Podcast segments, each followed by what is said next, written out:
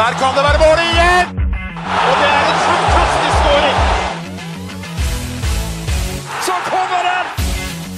Vi er våre beste menn. Vi har jo en del vi skal gå gjennom i dag. Skal vi bare, bare kjøre på med episoden vår? Ja, la oss gjøre det. Kjør! Heia Norge. Heia Norge! Heia Norge!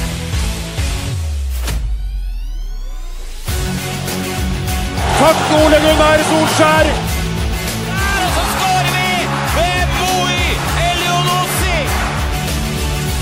Rekdal skyter i mål! Og Norge leder 1-0! Så kommer den! Det er Tariq Elunussi som har sist på den! Martin Ødegaard! Hjertelig velkommen til alle våre følgere og lyttere der ute til det som er tidenes aller første episode 284 av Våre bestemenns podkast om norsk landslagsfotball. Mitt navn det er Jonny Normann Olsen.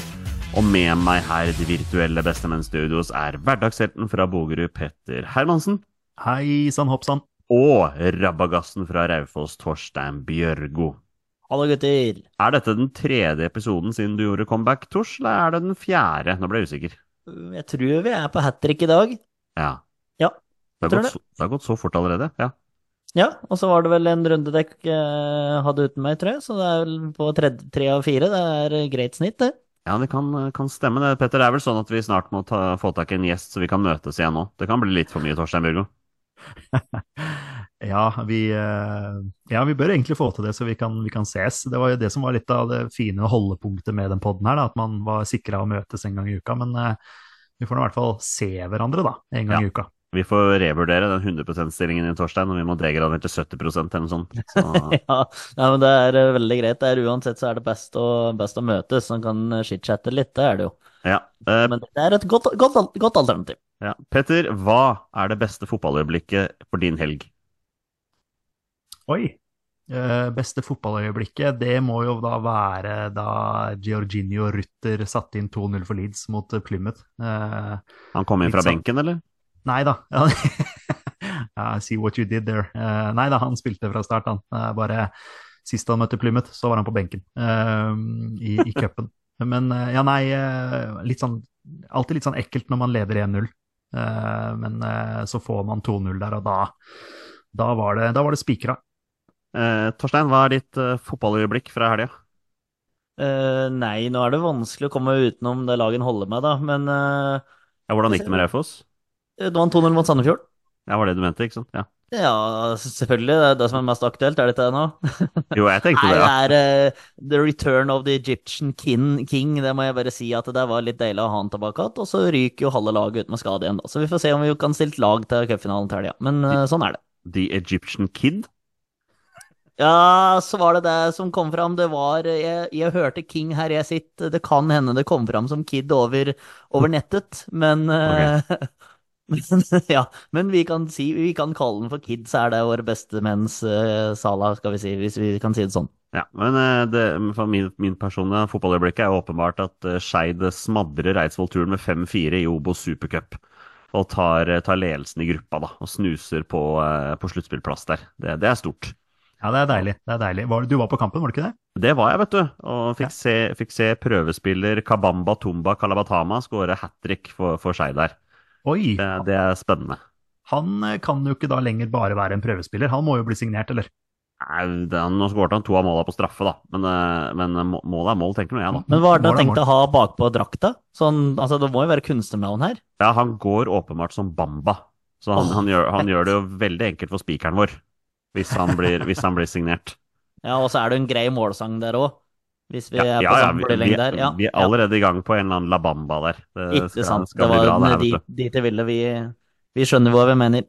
Vi gjør det. Eh, Vi har en eh, fantastisk episode foran oss, boys. Vi skal kåre 90-tallets beste A-landslagsspillere i dag, og det er ikke en oppgave som er spesielt liten. Eh, Vi skal innom ikke så lenge et fast segment, vi skal ha spørsmål fra lyttere, 20 spørsmål, men først og fremst, Petter, vi Ja, nei, skal vi bare kjøre i gang med dagens episode, eller? Ja, la oss gjøre det. Kjør. Da gjør vi det.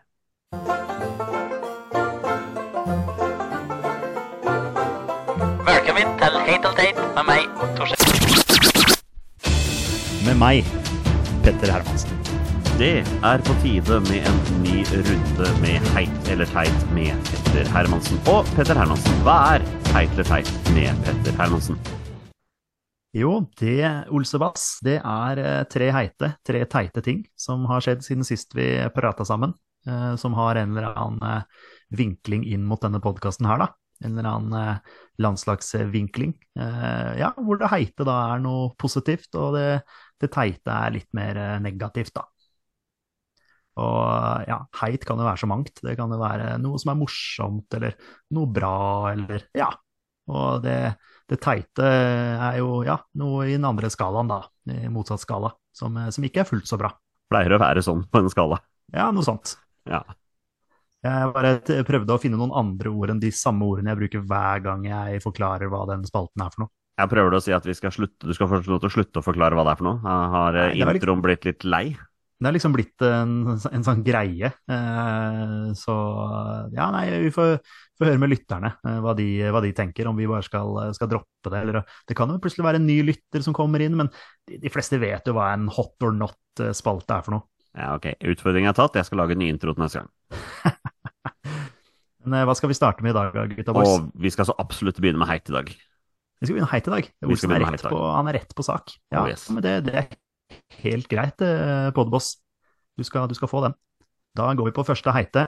Den går til Oscar Bob. Uh, først og fremst uh, er det jo veldig gøy at han i dag starter sin aller første Premier League-kamp mot, uh, mot Brentford. Første gang han starter. Men det han får egentlig den heite for, er at skåringa hans mot Newcastle ble kåra til månedens mål for januar. Det syns jeg det er, det er gøy, når, når en ung nordmann vinner en sånn kåring. Det var jo en utrolig flott skåring, da. Det, er, det er månedens mål i Premier League, ikke bare i Man City. I, i Premier League, ja. Det er Kåra av, av Premier League, eller ja, hvem som kårer det, men eh, det er i hvert fall den offisielle Premier League eh, på, på Twitter, eller X, som, som eh, la ut det, da, at han hadde vunnet eh, månedens mål. Det må vel være andre gang at en nordmann vinner en pris, kanskje? Du tenker at eh, Braut eh, Eller at denne sesongen, tenker du, eller hva? Nei, jeg tenkte sånn totalt. Jeg er ikke klar over hvor mange ganger nordmenn har vunnet. Det eneste jeg kom på, jeg ser jo for meg at Jon Arne Riise sin uh, vant månedens mål den gangen. Den gangen, ja, mot, uh, mot United uh, for Liverpool, ja. Ja. Ja, den, den ble sikkert kåra til månedens mål, ja. Eller årets mål. Ja, kanskje årets mål, da. Ja, det er ikke så mye mer å si om, det, men Gratulerer til Oskar Bob. Gratulerer til Oscar Bob. Og så er det jo kult at han starter i dag, da. Det, det er jo kjempegøy. Ja. Det neste heite går til Mathias Rasmussen. Ti år tidligere U-landslagsspiller. Vi kjenner han jo best fra Eliteserien og eh, sportsklubben Brann. Eh, han spiller jo nå for eh, eh, Union Sant Gilon, Gilois. Ja, jeg aner ikke hvordan man sier det. noe i den dur, ja. ja. Ja. Enig. De spilte i Europa i, i uka, da, og det lå de under 0-2 mot eh, Frankfurt. Henta opp igjen til 2-2. Rasmussen med scoring og assist. Og så tre dager senere, 3-1-seier borte mot Kortrik. Rasmus med ny scoring, og de leder serien åtte poeng foran Anderlecht. Det er, eh, det er rimelig stort. Torstein, du som følger belgisk fotball tettest av oss, hva tenker du om dette? Det er jo morsomt det der at nå vi har begynt å spille litt fast òg. Det har jo vært veldig mye ut og inn av dette laget første halvåret, i hvert fall sånn som jeg, sånn jeg har eh, fått det med meg. Eh, og nå har tydeligvis en um, leverer når en får muligheter her òg, så ingenting som er, eh, er bedre enn det, altså. Moro. Gratulerer til Mathias Rasmussen. Det var en, en soleklar heit der. Det er, så, det er kult når man har, på en måte har forberedt en heit, og så fortsetter han liksom i helga også å levere. Så den blir liksom superheit, da. Eh, den siste heite går til Mathias Dyngeland slash Markus Henriksen. Eh, det var jo da en match mellom Brann og Rosenborg eh, i midtuka her. Eh, Brann vinner da 2-0 på Marbella. Eh, Jeg så store deler av kampen. Det var en utrolig kul kamp. Eh, Jeg syns det er gøy å se Brann spille fotball. Jeg elsker det at eh, når de vinner ball, så er det kjappeste veien til mål. Det går så fort med dem noen ganger at, eh, at ja, Rosenborg hang ikke helt med. Så skåra Brann to ganske kjappe mål, da. Men det som er det heite her, det er før kampen, hvor da Dyngeland blir eh, intervjua. av TV 2, og hvor han da i løpet av det intervjuet spår at Rosenborg kommer til å rykke ned denne sesongen. Eh, og da blir jo da Markus Henriksen i ettertid eh, eh, holdt på å si eh, sp- eh, spurt, eller sagt, fortalt, at eh, Mathias Dyngeland eh, sier at eh, Rosenborg kommer til å rykke ned denne sesongen. Hva er din, hva er din kommentar til det? Hvordan Markus Henriksen svarer Hvem er Dyngeland? At det, at det, ja, det er sånne ting Jeg elsker det der. Det er, det er sånne ting som det der. Litt sånn banter mellom to store klubber. Eh, Rosenborg ligger litt med brukket rygg, har ikke levert. Eh, Brann er eh, høyt oppe. Eh, Dyngeland er litt frekk i kjeften og, og litt med litt glimt i øyet, selvfølgelig. Og Henriksen da med litt sånn derre Det der svaret der er eh, helt episk. Så de får dele den heite der mellom seg. Eh, Henriksen litt heitere der med det, med det svaret der. Det syns jeg var utrolig gøy. Den er, den, er, den er kjempefin. Det er veldig morsomt å se. Du ser Rasmussen står og knoter veldig lenge Nei, unnskyld, Dyngeland står og knoter veldig lenge for hva han skal svare. Og så ser du plutselig går så lys på ham sånn Nei, jeg bare sier Rosenborg, det, det, det er gøy, liksom. Så blir det en veldig, veldig fin eh, banter ut av det her. Uh, rykker Rosenborg ned, Torstein? Vi skal vel ha et eliteserietips uh, om en liten stund, så det er vel litt er dumt å avsløre for mye, for mye allerede nå, men uh, Du kan få lov til å avsløre om du tror Rosenborg rykker ned, altså. Det, det skal du få lov til. Nei, jeg tror nok ikke det. Det skal bli veldig spennende å følge med. Og så er det litt deilig at det liksom fyres, for det er jo Hvis vi er litt stille, da, så er det ikke så lenge til seriestart. Det begynner liksom Du må begynne å komme seg i form her nå. Det begynner liksom å krible litt i det norsk fotballhjertet nå. Det, ligger liksom, det har liksom litt sånn ferie fra november til februar, og så begynner det liksom å krible, krible litt igjen. Så deilig at fyringa allerede er i gang. Det er moro. Det har sett litt, eh, ja, sett litt fart i det allerede nå. Ja, det er, det er helt nydelig. Heit er alltid gøy, Petter, men vi er også veldig glad i teit. Vi er glad i teit også. Eh, Jeg må bare slenge inn eh, før jeg avslutter den heita her. Jeg har ikke glemt eh, Tobias Lauritzen. Vi fikk jo spørsmål om det da vi satte opp landslag uten landskamper. Da hadde vi glemt han, det må, såpass ærlig må vi jo være. Men han har vært litt inn og ut, men i helga leverte han to skåringer. Det som er litt morsomt med Tobias Lauritzen, er jo det at han er jo litt sånn sein stjerne, på en måte, som, som gjør at han har faktisk ikke aldersbestemte landskamper. Så han har aldri spilt eh, landslagsfotball. I hvert fall når jeg sjekka både Wikipedia og Transfermarkt og gudene veit hva jeg har sjekka for noe. Så jeg kan ikke se at han har noen landskamper. Så han har ikke noen sånn relevanse sånn sett. Men jeg hadde jo hadde selvfølgelig klart å vinkle han inn. Det, det har jeg ikke noe problem med. Men, eh, men eh, bare for å Jeg husker ikke i farta hvem som eh, påpekte det sist. Men eh, kan det ha vært en som het Rolf, da? Eller noe sånt noe? Jeg skal være litt forsiktig med å si navn her, men men jeg har ikke glemt han. Men hvis han fortsetter å levere sånn, så skal, han, skal jeg klare å få vinkla han inn på en heit etter hvert. Det hadde vært en utfordring til drømmelag. Beste, beste elver med nordmenn som ikke har spilt U-landslagsfotball. Ja, det kunne vært en challenge. Det Vi er jo glad i å sette sånne lag, er vi ikke det, Olsen? Jo kjempeglad. Elsker det. Ja, nei, men eh, apropos elsker det, vi går til teit. Uh, starter med den første teite.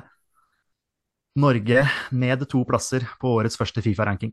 Ja, den er soleklart teit. Vi har jo ikke spilt noen kamper, da. Så det er, det, du skjønner ikke helt begrunnelsen, men eh, Nei, altså Vi har jo da gått fra en 44.-plass til en 46.-plass. Uh, det er det laveste vi har vært under Ståle Solbakken. Så nå, nå brenner det under beina på Ståle her. Nå må han begynne å levere. kommer han under, under 50, så er det sparken. Ja, er det ikke sånn det funker? Jo, Nei, da, men uh, mye av grunnen her er, til fallet er jo Qatar, da, som vant uh, Asiamesterskapet og klatra 21 plasser. Og Elfenbenskysten som vant Afrikamesterskapet og klatra 10 plasser. Så det, da, da gjør det jo noe med, med, med rankingen, og da faller vi ned. Men uh, da er det utfordring til gutta at nå må vi levere resultater, så vi får, får begynt klatringa Opp i ringa, Norge. opp i ringa. Må begynne å spille landskamp først, da. Så. Ja, ikke sant. Og så neste teite, den gir vi til eh, kollapsen til Molde og Bodø-Glimt i Europa.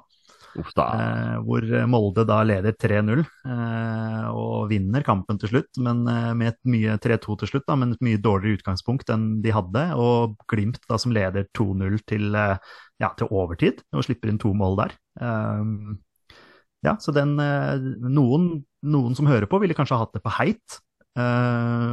Fordi man ikke unner eh, norske lag suksess i Europa. Jeg, jeg, jeg, jeg får prøve på en sånn objektiv greie, da, som, eh, hvor jeg liksom ikke har noe eget lag. Nå har jeg et lag som eh, ligger i Obos-ligaen og er langt unna disse lagene her. Det var vi for så vidt i Eliteserien også. Men, men ja, nei, det er jo eh, to utgangspunkt som har blitt mye vanskeligere enn de i utgangspunktet var, da. Så det, de, får, de får teit på den. og selvfølgelig vinkling der med landslagsspillere både for Molde og for Glimt, det trenger jeg vel ikke å forklare. Jeg er, jeg er stolt medlem av supporterklubben til koeffisientkameratene. Såpass, eh, såpass kan jeg si. Ja, ikke sant. Og da, da, sitter du med en følelse av at det der var utrolig teit at eh, de, de slapp inn de to måla, begge de norske lagene. Ja, Men jeg må spørre deg, Torstein, for jeg vet at du alltid er objektiv i måten du ser fotball på. Uh, var det rødt kort til Odin Bjørtuft? Eh, Jeg vet du hva, jeg så førsteomgangen, og så måtte jeg reise, for jeg satt ut, langt ute i Lillestrøm og skulle hadde bil på fiks, så da får noen andre svare. Men må jeg bare skyte inn at det var jo Jeg fikk jo sett eh, Molde først, og den første gangen var jo altså de var jo fyr og flamme, men så skal vi si at keeperen kasta jo to baller i mål òg, da. Uh, og så er det jo fascinerende at Legia Warszawa bytter fire eller fem mann, jeg lurer på om det var fire. Og så endrer matchen helt, eh, helt karakter, egentlig, og mm, de tar fullstendig over. Uh, Bodø-Glimt er jo kult å se på en stor stadion mot et mm, stort lag som Ja, greit nok, de har en ræva sesong, men jobben skal jaggu gjøres likevel. Altså, det er så morsomt å se hvordan de tar tak og faktisk dominerer store deler av den første gangen. Og så får uh, dekk som har sett Bjørtuft til utvisning, kommentere det. Ja, Petter har lyst til å si noe her. Ja, altså jeg er jo eh, dommer eh, selv. eh, På et høyt nivå. på skyhøyt uh, syverfotballnivå. Nei, altså sånn som jeg tolker reglene, så er det jo et riktig rødt kort. Uh, det handler om at uh, Bjørtuft ikke forsøker å ta ball. Han river kun ned Ajax-spilleren.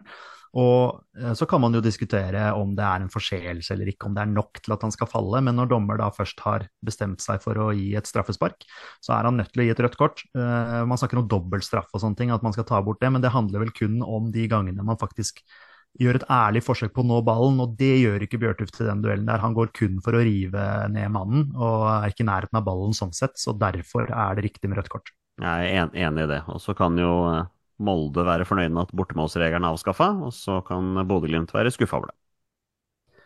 Ja, ikke sant. Men eh, altså, for noen returmatcher, da. Jeg syns jo det er Jeg så også den eh, Bodø-Glimt-matchen, og det er, jo, det er jo kult å se et norsk lag som Ok, Ajax har ikke vært strålende denne sesongen, det har de ikke. Eh, men et norsk lag som, ja, som tør å spille, og, og han Nico Su Sugelj noe sånt nå, altså kommer alene der og skal jo egentlig sette 3-0, men velger å spille den på tvers, og så blir, eh, går sjansen i vasken. Så de, de burde jo egentlig avgjort den matchen der, eh, Bodø-Glimt. Men eh, det kommer til å bli et ordentlig trøkk på, på Aspmyra. Altså. Det blir en kul kamp å se.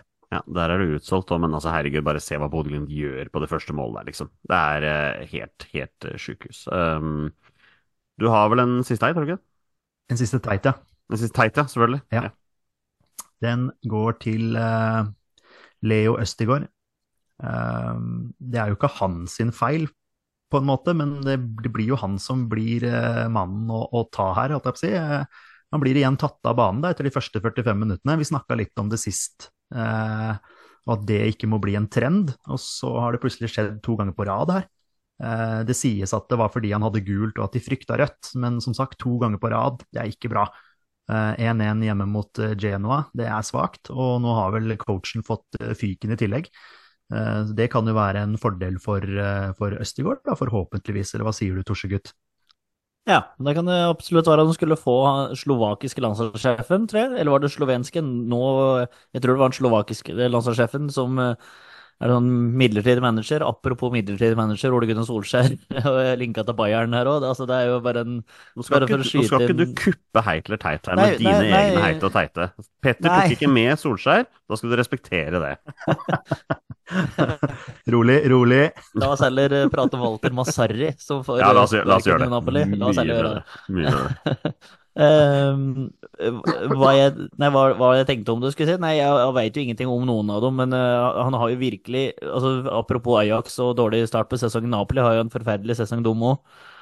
Massarri kom inn der og liksom skulle ordne opp litt i det, og det har uh, egentlig vært på samme nivå, uh, eventuelt litt eh, dårligere. Eh, I hvert fall litt bedre. Og da er det greit å bare prøve noe nytt fram til sommeren, og så kan man heller jobbe med, jobbe med en annen løsning. For eh, det blir vel ja, du, altså, du kan jo krangle seg inn i en europacupplassering uansett, eh, Napoli. Det er noe med, med veldig, det er noen gode sjanser til, og er noe mer enn, mer enn gode nok til. Eh, men eh, at Østigård liksom alltid skal være den som ofres, det er liksom, liksom den tanken du sitter med. Og det er greit nok en gang i ny og ne når du har det gule og kanskje tett ved, men jeg føler dette nesten er blitt en trend, eh, i stedet for et, eh, et enkelttilfelle. Og da må vi begynne å prate litt, og vi har jo pratet på det før når vi nevner nå, at han var tett ved en overgang til nettopp Genoa på deadline day, var dette, så eh, det lukter vel et eller annet av sommeren her, kanskje. Vi, altså, så kan ting snu helt, at han får masse tillit, og det blir suksess for Napoli siste, siste fire-fem måneder til sesongen, hvem vet. Men eh, det må i hvert fall noen endringer til, eh, både, både i Napoli og, og for Østergaard sin del. Er jo nydelig når Torstein skal snakke. altså Det er ikke bare Møstegård. Det er- Nå fikk vi en eh, historieleksjon om Napoli og hva de eh, driver og strever med og sånt. Det, det er fint, det. Torstein er fotballorakel, vet du. Da blir det sånn. Han ser mye. Ja, han følger godt med. Ja. Men eh, ja, det var mine, det var mine teite til slutt her, Olsen. Ja, Eh, ja. Hvordan Jeg, jeg, har hørt noen, jeg har hørt noen rykter, da. Eh, hvis, jeg, hvis du vil at jeg skal legge det opp på den måten. Ja, altså Det var jo ikke noe, det jo ikke noe rykter. Jeg tok rett og slett kontakt med deg og spurte pent om jeg kunne få legge til en bonus-teit på slutten. Uh, Det er jo din spalte, dette her, så jeg respekterer jo innmari godt det. Men, det. men det virker som du har gitt meg lov til det. Ja, det har jeg 100 Jeg eh, elsker jo det, at man har lyst til å supplere. Det er jo bare gøy. Så kjør på, du, Olsen. Ja, ja, det er bra, for her er det bare å, å lene seg tilbake, for dette her kommer til å bli stygt. Ehm, jeg skal nå sage og slakte en av mine helter. Eh, en, en fyr jeg virkelig ser opp til. En fyr jeg virkelig har sansen for. En av de mest fotballfaglig sterke personlighetene jeg vet om. En, en fyr som jeg rett og slett synes er hel ved, ikke bare som fotballperson, men også som menneske. Så det, det, det, det, sår, sårer meg personlig dypt, det faktum at jeg skal eh, komme med en bonusteit vedrørende denne personen. Men i dag så kommer jeg ikke utenom. Det er, er ingen vei utenom. Eh, min bonusteit i dag går ganske suverent til Alexander Schou. Um, og i, likhet med veldig mange, jeg tipper også dere to her i studio, dere er sannsynligvis like glad i Alexander Schou som meg. Dere veit hva han står for som, som fotballmenneske. Um, han har jo vært i media i Ja, det begynner, begynner å bli noen år nå. Vært med i diverse podkaster, vært med på fotballsendinger, kommentator, uh, starta sin egen fotballkanal. Masse rundt det som er eh, bra. Um, også i likhet med veldig mange, så, så hører jeg ukentlig på den eminente podkasten Fotballklubben. Um, og det er der uh, slaktet mitt for denne uka kommer. Heldigvis, kan man si. Det er ikke fotballrelatert. Det, det slaktet mitt står for, eh, når man lurer på ja, hvor kan man trekke landslagsrelasjonen inn her. Altså, det er Alexander Schou vi snakker om. Selvfølgelig finner man en relasjon, en, eh, en vei inn på fotballandslaget, noen som på en eller annen måte. Eh, det jeg skal gjøre nå, jeg skal spille av et klipp fra denne ukas eh, fotballklubben. Som, som vanlig, jeg elsker fotballklubben. Det er en av mine favorittpodkaster. Jeg sitter og nyter det. Um, og så helt på slutten av episoden, det var snakk om et par minutter igjen, da bestemmer plutselig Anders, Alexander Schou seg for å komme med en bombe som, som snur opp ned på, på, på livet mitt. Så nå skal dere, få, skal dere få høre det. Nå fikk jeg lyst til å si noe som mange syns er kontroversielt om uh, Har du en sånn eh, din verste Disney hot take som gjør deg upopulær? Jeg er ikke så opptatt av Disney. Kanskje det? Ja. Det er Jeg syns uh, Jeg syns 'Løvenes konge' Mm. Er en av de aller dårligste Disney-filmene. Jeg tror ikke jeg har sett den. Både animasjonsmessig og historiemessig. Mm. Og så har jeg lyst til å slenge med soundtrack. Jeg vil si at 'Løvenes konge' er, vet ikke, er en halvannen time. Halvannen time med skuffelse. Aladdin derimot, amazing. Okay. Og jeg stopper eh, klippet der, med han hadde avsluttet med Men Aladdin var amazing. Alexander Schou, min, min gode mann, du er et fotballorakel av dimensjoner. Du er en mann jeg ser enormt opp til. Her viser du en mangel på dømmekraft innenfor alt som har med populærkultur å gjøre, at jeg eh, kan ikke gå noen annen vei enn å si hvor enormt skuffet jeg er. Du velger da å slakte et fenomen innenfor Disney-film. Et, et, et, et, perfekt eks, eksemplar på hvordan en animasjonsfilm skal være. For de som vet det, jeg har en Løvenes konge-tatovering på armen min. Så enormt mye betyr den filmen for meg at jeg har, helt til nå har nektet å se den nye versjonen. Den live action-varianten som kom for et par år siden, den, den har ikke jeg sett det, det, det, går nesten ikke an å beskrive med ord den, den, skuffelsen og følelsen jeg sitter med over dette her, Alexander Schou. Heldigvis er det ikke fotballrelatert, så det betyr at jeg fortsatt kan høre på fotballklubben. Jeg kan fortsatt se deg på TV, men jeg vil du skal vite det, at du har kuttet ut en bit av hjertet mitt eh, denne uka her, og du har tråkket på det, pissa på det og brent det i filler. Fy. Og det er goal! Det er 2-0 for Norge! Og det er Jan Åge Fjørtoft som skårer sitt første VM-mål. Det er på tide med å starte et helt nytt segment her i Våre bestemenn. Dette, mine damer og herrer, er et segment som skal gå over tre uker. Eh, vi skal kåre tidenes beste A-landslagsspiller for herrer på 90-tallet, 2000-tallet og 2010-tallet. Måten vi skal gjøre det på, er egentlig veldig enkel. Jeg har satt sammen et turneringsoppsett for 90-tallet med de 16 spillerne som fikk flest A-landskamper for herrer mellom 1.1.1990 og 31.12.1999. Det er min definisjon av 90-tallet. Jeg håper alle er med på den. Eh, de er satt opp i et turneringsoppsett mot hverandre. Petter og Torstein, og, og lite grann jeg også, skal da eh, bestemme oss for hvilken spiller som går videre i hver duell. Det blir da åtte kamper i første runde, så har vi kvartfinaler, så har vi semifinaler, og så har vi finale. Jeg ser alle, uh, Petter og Torstein har for øvrig ikke sett turneringsoppsettet, så de veit ikke hvem som møter hver. Jeg har gjort det veldig enkelt. Den spilleren som har flest A-landskamper på 90-tallet, møter av den av de 16 som har færrest. Nummer to møter nest, osv., osv. Uh, Petter, første umiddelbare tanker om dette, tror du dette blir lett eller vanskelig? Åh, jeg tror noen blir lettere enn andre, kanskje. Eh, noen kan det nok kanskje bli noen diskusjoner på, men jeg liker, eh, liker at du har satt det opp i, i et oppsett. Og, nei, jeg, blir, jeg, jeg, er ikke overraska av at det ligger eh, noe grundig arbeid bak, i hvert fall. Eh, Torstein, nå har du allerede vært veldig tydelig for oss at du så ikke så innmari mye landslagsfotball på 90-tallet, men jeg veit at med din kunnskap så er jo du ganske i besittelse av hvem som gjorde det tålelig bra på 90-tallet. Eh, jo da, eh, jeg har jo lest historien og sett eh, ulike veier til både det ene og det andre mesterskapet. Eh, men eh, det er vel i hvert fall vi tre husker jo at vi skulle sette opp et lag en gang, og jeg ikke tok med Erik Torstvedt for at jeg ikke hadde sett ham spille fotball. Så det er jo, det er jo noe eh, Jo, jeg tror det var Torstvedt, jo.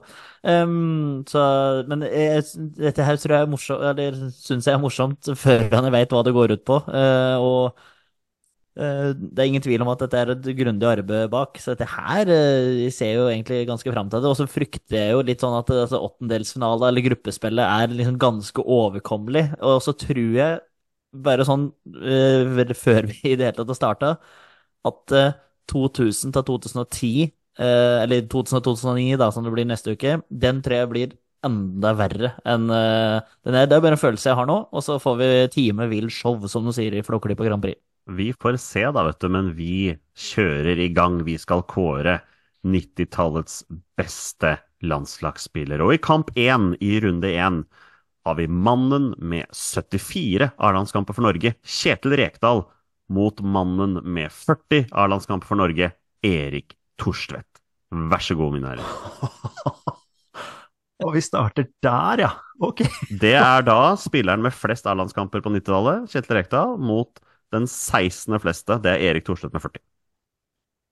Ja, og så er det jo Vi må jo ta utgangspunkt i en landslagskarriere her, ettersom vi er en podkast som dreier seg om, eh, om landslaget. Så eh, jeg har jo en umiddelbar tanke, og at den hadde vært verre hvis vi skulle tatt med klubbkarriera. For da tror jeg vi hadde slitt litt mer.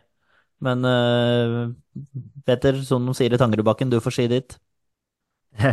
Ja, jeg, jeg, det, jeg syns den er vanskelig fordi eh, Torstvedt for meg er jo kanskje den aller beste landslagskeeperen vi har hatt. Uh, mens Rekdal da selvfølgelig har vært ekstremt viktig for oss. Uh, både som leder og som uh, ja, en, en, som En for de store øyeblikkene, da. Ja. England borte. og selvfølgelig Brasil. selvfølgelig Mexico. Eh, så jeg heller jo mot Rekdal, men eh, det er jo trist for Torstvedt sin del å ryke ut allerede nå. Jeg, jeg, jeg, kommer til å gi min stemme. Jeg tenker vi alle gir våre stemmer her. Og så er det den som får flest som vinner. Jeg kommer til å gi min stemme til Kjetil Rekdal. Uh, basert på det Petter sier her. Han er jo en legende gjennom hele 90-tallet med så mange ikoniske øyeblikk. Erik Torstvedt, også en strålende karriere. Men han er ikke den keeperen på 90-tallet med flest A-landskamp for Norge. Så derfor kommer jeg til å stemme på Kjetil Rekdal denne kampen her. Ja, jeg kan, jeg kan, ta Men jeg var det stemmer Kjetil Rekdal, big game player, hat trick mot Sveits der. Skåra matchvinnere begge mesterskapa uh, i gruppespillet der. Uh, Tror det hat tricket var mot Ungarn. Var det mot Ungarn, kanskje? Ja, jeg mener ja, det. Ja, det var noen 3 Sveits ble vel var det 5-0 eller noe sånt. Men ja, ja. takk, Jonny. Um, der kommer at dette så alt som var på 90-tallet. Nei, men uh, avgjør både det ene og det andre. Så Kjetil Rekdal Han seiler jo opp som en storfavoritt før han vet navnet på alle de andre her, sånn generelt. Det må jeg bare si. Men uh, han vinner denne her forholdsvis enkelt, og det er litt rart å si. Ja, da er kampen avgjort, men Petter, du skal få gi din stemme allikevel. Ja, som jeg sa, altså det heller jo mot Rekdal her, og Rekdal er jo min mann. Eh, så det er klart jeg stemmer på han. Han, eh, som du sier, eller som jeg også sa, eh, mannen for de store øyeblikkene. Det er Kjetil Rekdal, så, så han må få den, selv om det selvfølgelig er surt for, for Torstvedt, som, som, jeg igjen mener er ja, kanskje vår aller beste landslagskeeper gjennom tidene. Da gratulerer vi Kjetil Rekdal med 3-0-seier i første kamp mot Erik Torstvedt der. Vi hopper til kamp to i runde én, mine herrer. Det er mannen med 50 A-landskamp for Norge, Ståle Solbakken, mot mannen med 49 A-landskamper, Jostein Flo. Ah, den, er, den, er, den er tricky, den òg, vet du. Ja, den er det. Den er det, altså. Det er uh... Flo var jo en sånn eh, som kunne endre kampbilder. Eh, som, som, kunne komme inn. Eh, det var jo den derre Ja, for Brasil igjen, da. Brasil i VM, hvor eh, var, det, var det Østenstad som egentlig skulle komme inn da, og så ble det endra til eh, Flo. Eh, fordi det var en eller annen på benken som sa at du bør sette inn Flo istedenfor. Ja, ja. Var, var ikke det Solbakken som sa det? Det var kanskje Solbakken. jo, det stemmer det. Ja, jeg, jeg mener, det, var det, ja. jeg mener det var det. Så nå kan Ståle Solbakken angre på det den kampen her, eller? Ja, sant. Og så har du Han skåra det målet mot, uh, mot, Polen da vi vant 1-0 i kvaliken til 94. Det er kanskje det målet som kanskje sendte oss til USA. Eh, som i hvert fall gjorde, gjorde det nesten, nesten, helt komplett. Men eh, ja, nei, så jeg heller mot, mot Jostein Flo, altså, for grunn av den viktigheten Ståle for all del var jo bra, han òg, men men eh, nei, Flo også er en litt sånn, litt sånn big game eh, player, da. Ja, det er, det er, også, Jeg kommer også til å stemme på, på Jostein Flo i den kampen her. Han er jo et av ikonene for 90-tallet og, og, landslaget. Uh, med liksom Flo-pasningen og, og, alt det det sto for. Altså, så han er liksom en av de, de fleste, da, når du spør om 90-tallet og Drillos, så er Jostein Flo en fyr som kommer opp titt ofte. Ståle Solbakken, 50 A-landskamper på 90-tallet, er helt nydelig, men han, for meg når ikke han opp like høyt der, da. Så, så Jostein får min stemme der. Da er kampen avgjort, men du skal få uh, komme din uh, stemme likevel, Torstein. Nei, men jeg, jeg, tror jeg hadde døtt ned på Jostein Flo, men det er mer på liksom uh, Mer øyeblikk enn sjølve kampa. Sånn For jeg tror Nei, altså, nei jeg, jeg, jeg, tror Flo sine innhopp hadde mer å si enn Solbakken sine starter, hvis det går an å forstå på en eller annen slags merkelig måte. Jeg syns det er bra forklart, jeg. Ja. ja, enig. Så det vipper eh, i favør eh, Stryn. Er det, ikke, er det ikke dit vi skal, eller er det rett og slett Sogndal? Stemmer det. Vi skal til Stryn, ja. Uh, vi gratulerer Jostein Flo med en knusende 3-0-seier mot Ståle Solbakken. Um, Petter, du skal få komme med første mening i kamp tre. Vi har 64 A-landskamper Stig Inge Bjørneby mot 46 A-landskamper Gunnar Halle. Ja, den, jeg kan egentlig bare avgi stemme til Stig Inge Bjørneby med en gang. Uh, ja. Selv om Gunnar Halle har spilt for Leeds. ja da, men nå skal vi ikke ta med klubbkamper her. Uh, Nei, vi skal ikke det. Og vi har hatt Gunnar Halle som gjest også, så det kunne, kunne bikka. Men, men men Bjørneby, hvor, viktig han var på, på venstrebekken og med den gode pasninga si. Eh, Bjørneby-pasninga burde det jo egentlig blitt kalt, men det blir jo kalt for Flo-pasning. Det var jo som ja, ja. Sting Bjørneby som, som, som, slo den. Eh, husker vel, Var det ikke også Bjørneby som ble forvirra av en eller annen linjemann som eh, som markerte med, med, hånda at eh, ballen ikke var ute, mens jo, jo. da Bjørneby trodde at uh, han markerte at ballen var ute, eller et eller annet sånt, og så ble ja. han stående, og så skårte motstanderen. Jeg husker ikke hvem det var mot. Men nei, uh, nei ja, Bjørneby får, får, min stemme der. Bjørneby var til og med med på å, på å re, reacte den episoden der, en episode av Golden Goal. Ja, stemmer det. Golden Goal, det var, det var, gøy, altså. Ja, det var helt nydelig. Uh, ja, nei, denne er veldig lett for meg. Stig Inge Bjørneby får jo selvfølgelig denne fra, fra min side. Uh, et 90-tallsikon der. Torstein, trenger vi å bruke mye tid på dette her? Nei, vi går på venstrebacken, og så er det ny 3-0-seier. Ja, gratulerer til Stig Inge Bjørneby, 300-seier. Um, kamp fire. Med 45 A-landskamper, Tore Pedersen mot 65 A-landskamper, Henning Berg. Henning Berg. Ja, nei, men det var jo veldig greit. Jeg, det er jo Henning Berg her, eh, Torstein. Ja, 100% Så apropos 100 landskamper, 100% kjør. Neste. ja. Uh, neste kamp er, er, ganske interessant. Denne skal du få lov til å ta først, uh, Torstein. Uh, 66 A-landskamper Øyvind Leonardsen mot 43 A-landskamper Tore André Flo. Å, oh, herregud, den her Her blir jeg overraska hvis det blir 3-0, egentlig. Uh, jeg ser, jeg ser, på ansiktsuttrykket til Petter at den er tricky, ja. ja det ser ut som du uh, sitter på toaletten der du har ansiktsuttrykk av den, ja. Petter. Der, har, der har, sånn jeg ser ut, ja. Men der har du seedingen som kommer mot hverandre. Det er jo tilfeldig at det er disse som møtes, men uh... Ja, den der, er, den der, er, fæl. For det er uh, en vanvittig løpsmaskin på midten der som er så viktig for at det andre For at landslaget funker under Drillo så er det de, de usynlige heltene som gjør drittjobben. og han ja, uh, ja, ja, igjen løpsmaskinen uten like. Det er jo kanskje det han bidro med, men herregud, så mye, mange løp han tok for så mange andre som gjorde at de fikk skinnet. Ja. så han er absolutt en verdig mann der, men vi prater Tor André Flo, kanskje en av Europas fem-seks beste spisser en periode på 90-tallet. Uh, vi skal ikke ta med klubbkarriera, men eh, du verden for en klubbkarriere likevel. Uh, målet mot Brasil er jo apropos ikonisk her. Uh, så nei, det er Den var vanskelig for deg, den der. Ja, den, den, der var, den der var vrien jeg hørte navnet, men idet jeg driver og prater, så blir det mer og mer klart for meg at Tor André Flo er er en klar vinner her, men er det på grunn av at målet mot Brasil? Altså, er det det som er? For, for jeg syns det liksom er nesten litt sånn respektløst mot Leonardsen og ikke gi han eh, en uh, ordentlig ja, uh, benevnelse her, skal jeg si. For han var utrolig viktig for at Drillos uh, hang sammen, altså. Ja, Men du, du gir den til Tor André Flo? Jeg gir den til Tor André Flo, men det er 51-49. Det er så, så jevnt, altså. Ja, for, for, for, min del. For min del så er det det. Ja, ja, ja. Jeg hopper over Petter akkurat nå. jeg skal gi min stemme, og den går til Øyvind Leonardsen. det er en innmari vanskelig kamp. Men, men uh, igjen, Øyvind Lenarsen, ikon fra 90-tallet. Jeg vil si et større ikon enn Tor André Flo, basert på det Øyvind Lenarsen ga til landslaget. Uh, og viktigheten av det han gjorde på banen, som bidro til at Norge ble så god som det ble. da. Så jeg kommer til å gi den til Leo. Det betyr at stillingen står 1-1 før Petter Hermansen kommer med det avgjørende ordet.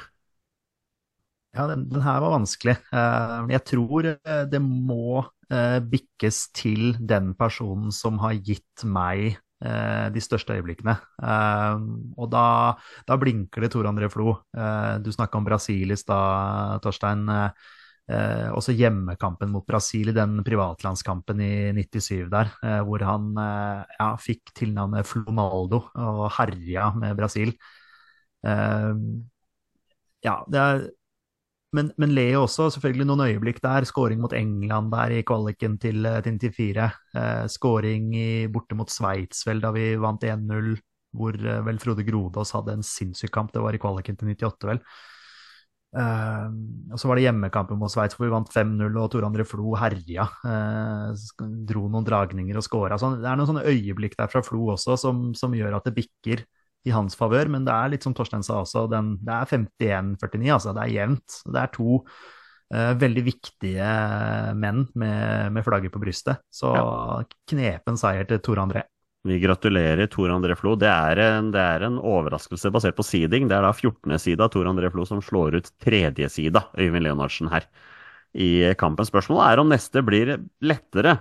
Uh, Petter skal få lov til å starte med ordet her. Når Lars Bohinen med 47 A-landskamper skal ut mot Jan Åge Fjørtoft med 54 A-landskamper.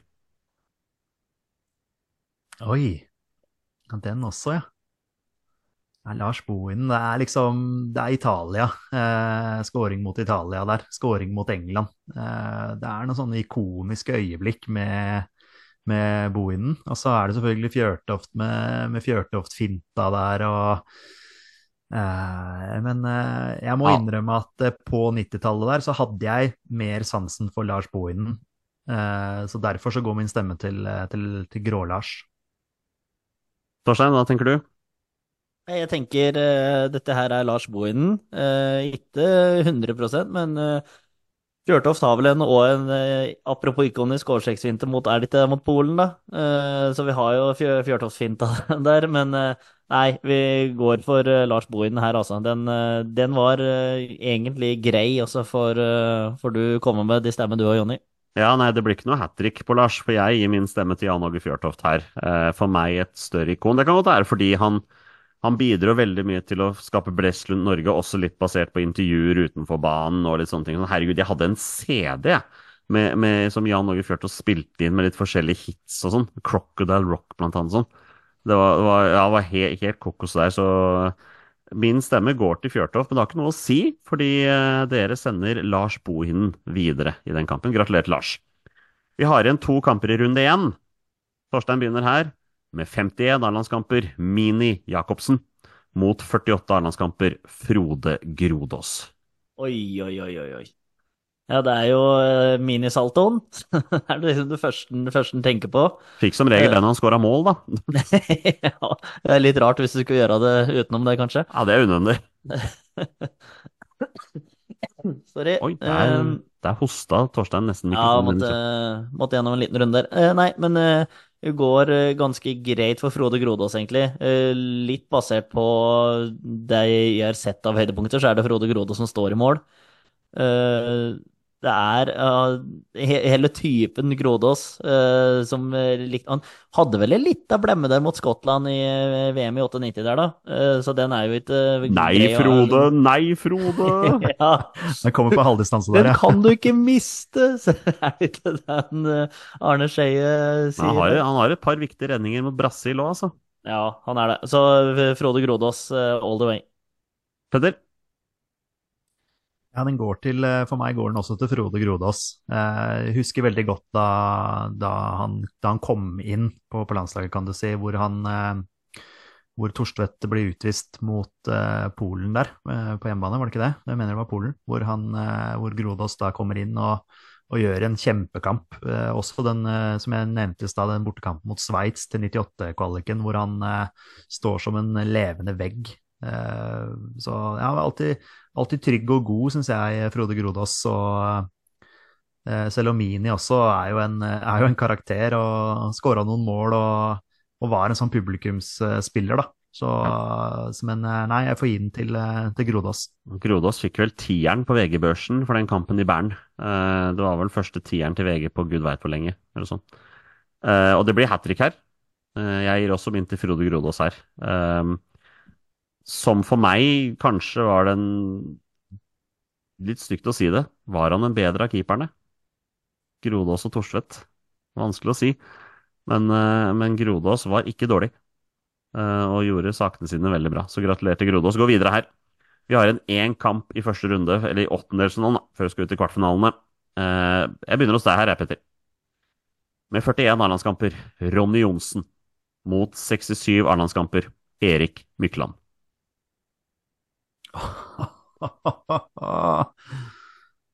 ah, ja Det er liksom to forskjellige spillertyper, da.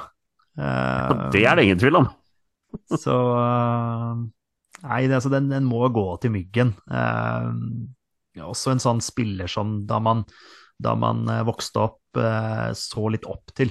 en sånn artist på, på fotballbanen som, som, gjorde ting som de andre ikke gjorde, og så ting som de andre ikke så.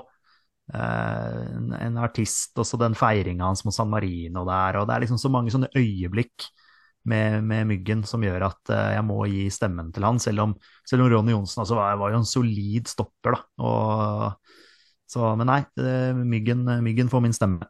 Husk på at eh, Ronny Johnsen starta landslagskarrieren sin på 90-tallet som spiss, og avslutta den som midtstopper. Det er, Ja, det, er det, det, det er ikke mange som har gjort. Nei, nei da, men Myggen får den. Ja, Hva med deg, Petter Torstein? Eh, Første ble jeg overraska over hvor få landskamper Ronny Johnsen har. Eh, At jeg tenkte at han skulle ha enda flere. Eh, Men det var jo ganske bra for spent, da, sikkert. Han var stort sett innbytter, vet du, som spiss på starten Ja. av 90-tallet. Og det gir egentlig til mening, sånn jeg husker Ronny Johnsen. det du sier. Men det, det, det stemmer jo. Det første jeg tenker på med Myggen, er jo taklinga til Roberto Carlos i 98 der. At den, det var faktisk det første jeg tenkte på. Eh, Men eh, nei, du går til Myggen. Petter forklarte det veldig, veldig fint, egentlig. Og sånne spillertyper er jeg veldig svak for. Og midtstoppere har jeg for det meste prøvd å flyge, flyge fra og drible sjøl, så da du, du, du, går til Myggen. Den Jeg har, jeg har to øyeblikk med Myggen som ligger spikra i minnet fra 90-tallet. Det første er den første landskampen jeg så. Da var jeg åtte år gammel. Da satt jeg i sofaen med, med pappa og så Norge vinne 10-0 mot San Marino. Og da hedda Erik Mykland inn en scoring. Han hadde ikke skjegg. Han så ut som han var ti år, liksom. Og da kom den der karakteristiske feiringa hans første gang. Og det, var sånn, det var litt sånn uvant å se, da. Eh, og den andre tingen jeg husker veldig fra Myggen, det er en veldig liten ting. Jeg tror Petter kommer til å tenke, skjønne det jeg tenker på. Men det er da mot England. Norge leder 2-0, har full kontroll på kampen. Publikum jubler liksom oi hver gang Norge slår en pasning. Og da er det en fyr som jeg husker ikke hvem det er, som slår en pasning mot Myggen eh, på midtbanen. Og Myggen bare lar den gå forbi seg mellom beina, og publikum bare oi videre til neste nordmann. Det er liksom første gang du har sett den derre Jeg bare later som ingenting, og så går den videre. Så det, kanskje ikke alle får skjønne hvor jeg vil den. Men eh, jeg lander i hvert fall på at Myggen tar den her. Så gratulerer til Erik Mykland med 3-0-seier. Og det betyr, mine herrer, at åttendelsfinalen er ferdig. Vi har åtte vinnere som nå skal videre. Vi begynner i kvartfinalen i kamp én. Kjetil Rekdal, 74 A-landskamper. Petter duellerer mot Jostein Flo med sine 49 A-landskamper. Ja, min stemme går til Kjetil Rekdal. Ja, den var kanskje lettere når han møtte Erik Thorstvedt i første kamp, eller? Ja, den var grei nå, for så vidt. Eh, ja, nei, jeg holder Rekdal høyere enn enn Jostein Flo, så beklager, Jostein. Torstein? Ja, eh, Kjetil Rekdal. Den, den, den var egentlig grei.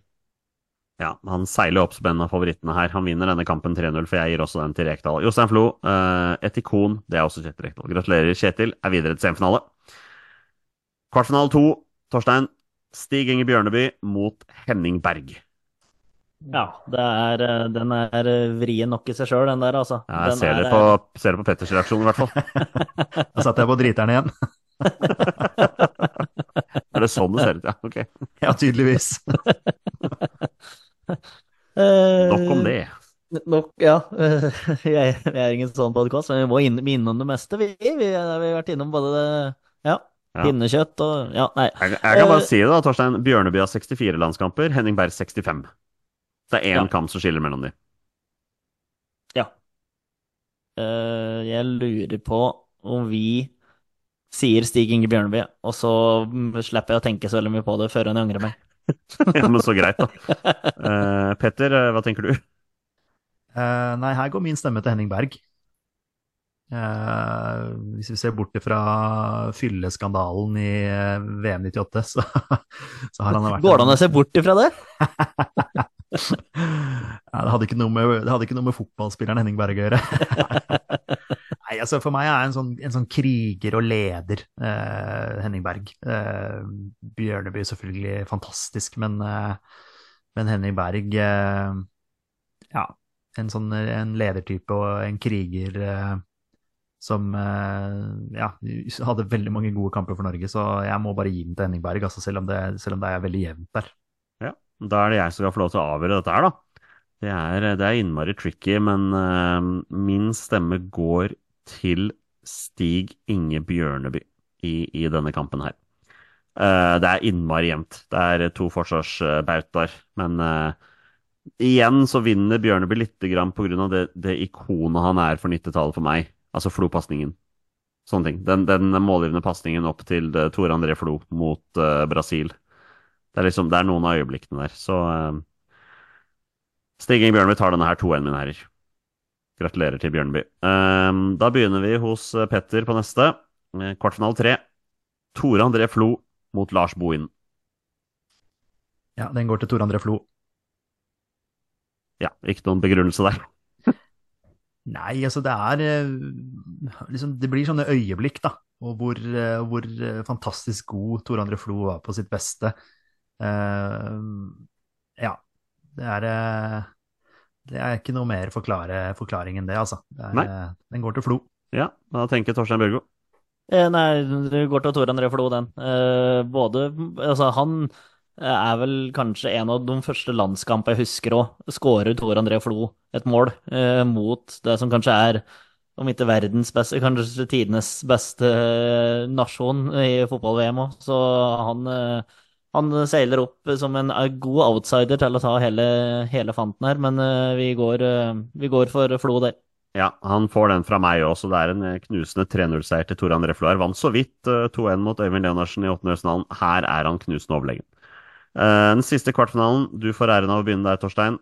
Frode Grodås mot Erik Mykland.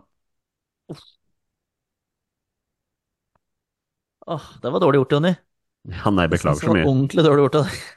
Det er jo dere som har stemt det her fram, så Hvor er det vi skar hen her, da? Men igjen, da, det går litt liksom på spillertyper som det på en måte er litt sånn uh, øgongodis. eh, og der er ikke Frode Grodås eh, for meg. Eh, så da blir det artisten Myggen som på en måte var første i sitt slag. Vi har jo pratet så mye om det at det nesten kan bare gå til ja, avstemming, skal jeg si. Men eh, nesten en av sin første i sitt slag, som du så med norsk landslagsdrakt eh, og norsk pass som eh, hadde den lekenheten og litt sånn som vi ser liksom videreutvikla i Martin Ødegaard nå, egentlig, for, for å dra den såpass langt. At eh, Myggen var, eh, var en sånn en pioner, egentlig, sånn sett. Så Myggen, Myggen får eh, min stemme. ja, han får min også. Det er, eh, det er en kamp mot Slovenia der også, husker jeg.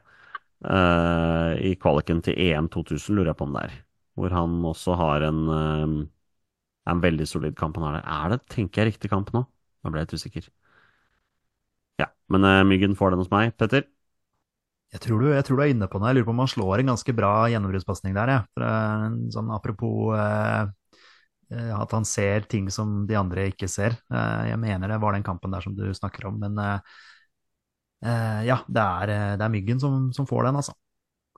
Gratulerer til Erik Mykland, avanserer til semifinale med 3-0-seier. Og med det, mine herrer, er kvartfinalene ferdig. Vi har kun tre kamper igjen før vi har kåra 90-tallets beste landslagsspiller. Og vi begynner hos Petter Hermansen med semifinale 1. Kjetil Rekdal, 74 A-landskamper mot Stig Inge Bjørneby, 64 A-landskamper. Ja, Det er jo åpenbart, eh, i og med at jeg stemte Henning Berg i forrige runde eh, mot Bjørneby, så, så går denne selvfølgelig til eh, Kjetil André Rekdal. Ja, da får vi se hvor mye klubbfølelsene har for Liverpool-supporteren Torstein Børgo, da, når jeg sender den over til deg. Men hva, hva sa du nå? Nå ble lyden borte. Hva sa du?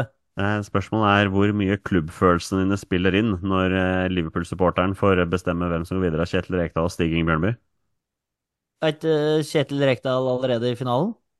Nei, det spørs om du stemmer sender den videre nå. Ja, ja, sånn, jeg trodde, jeg trodde vi var på andre semifinalen. jeg nå, Unnskyld. Nei, nei, nei, nei, vi må bli ferdig med semifinalen igjen Ja, nei, vi, her eh, får eh, Stig Inge Bjørnby får eh, heller stå igjen på Anfield og slå langpasninger, og så sender vi Rekdal til, til finalen.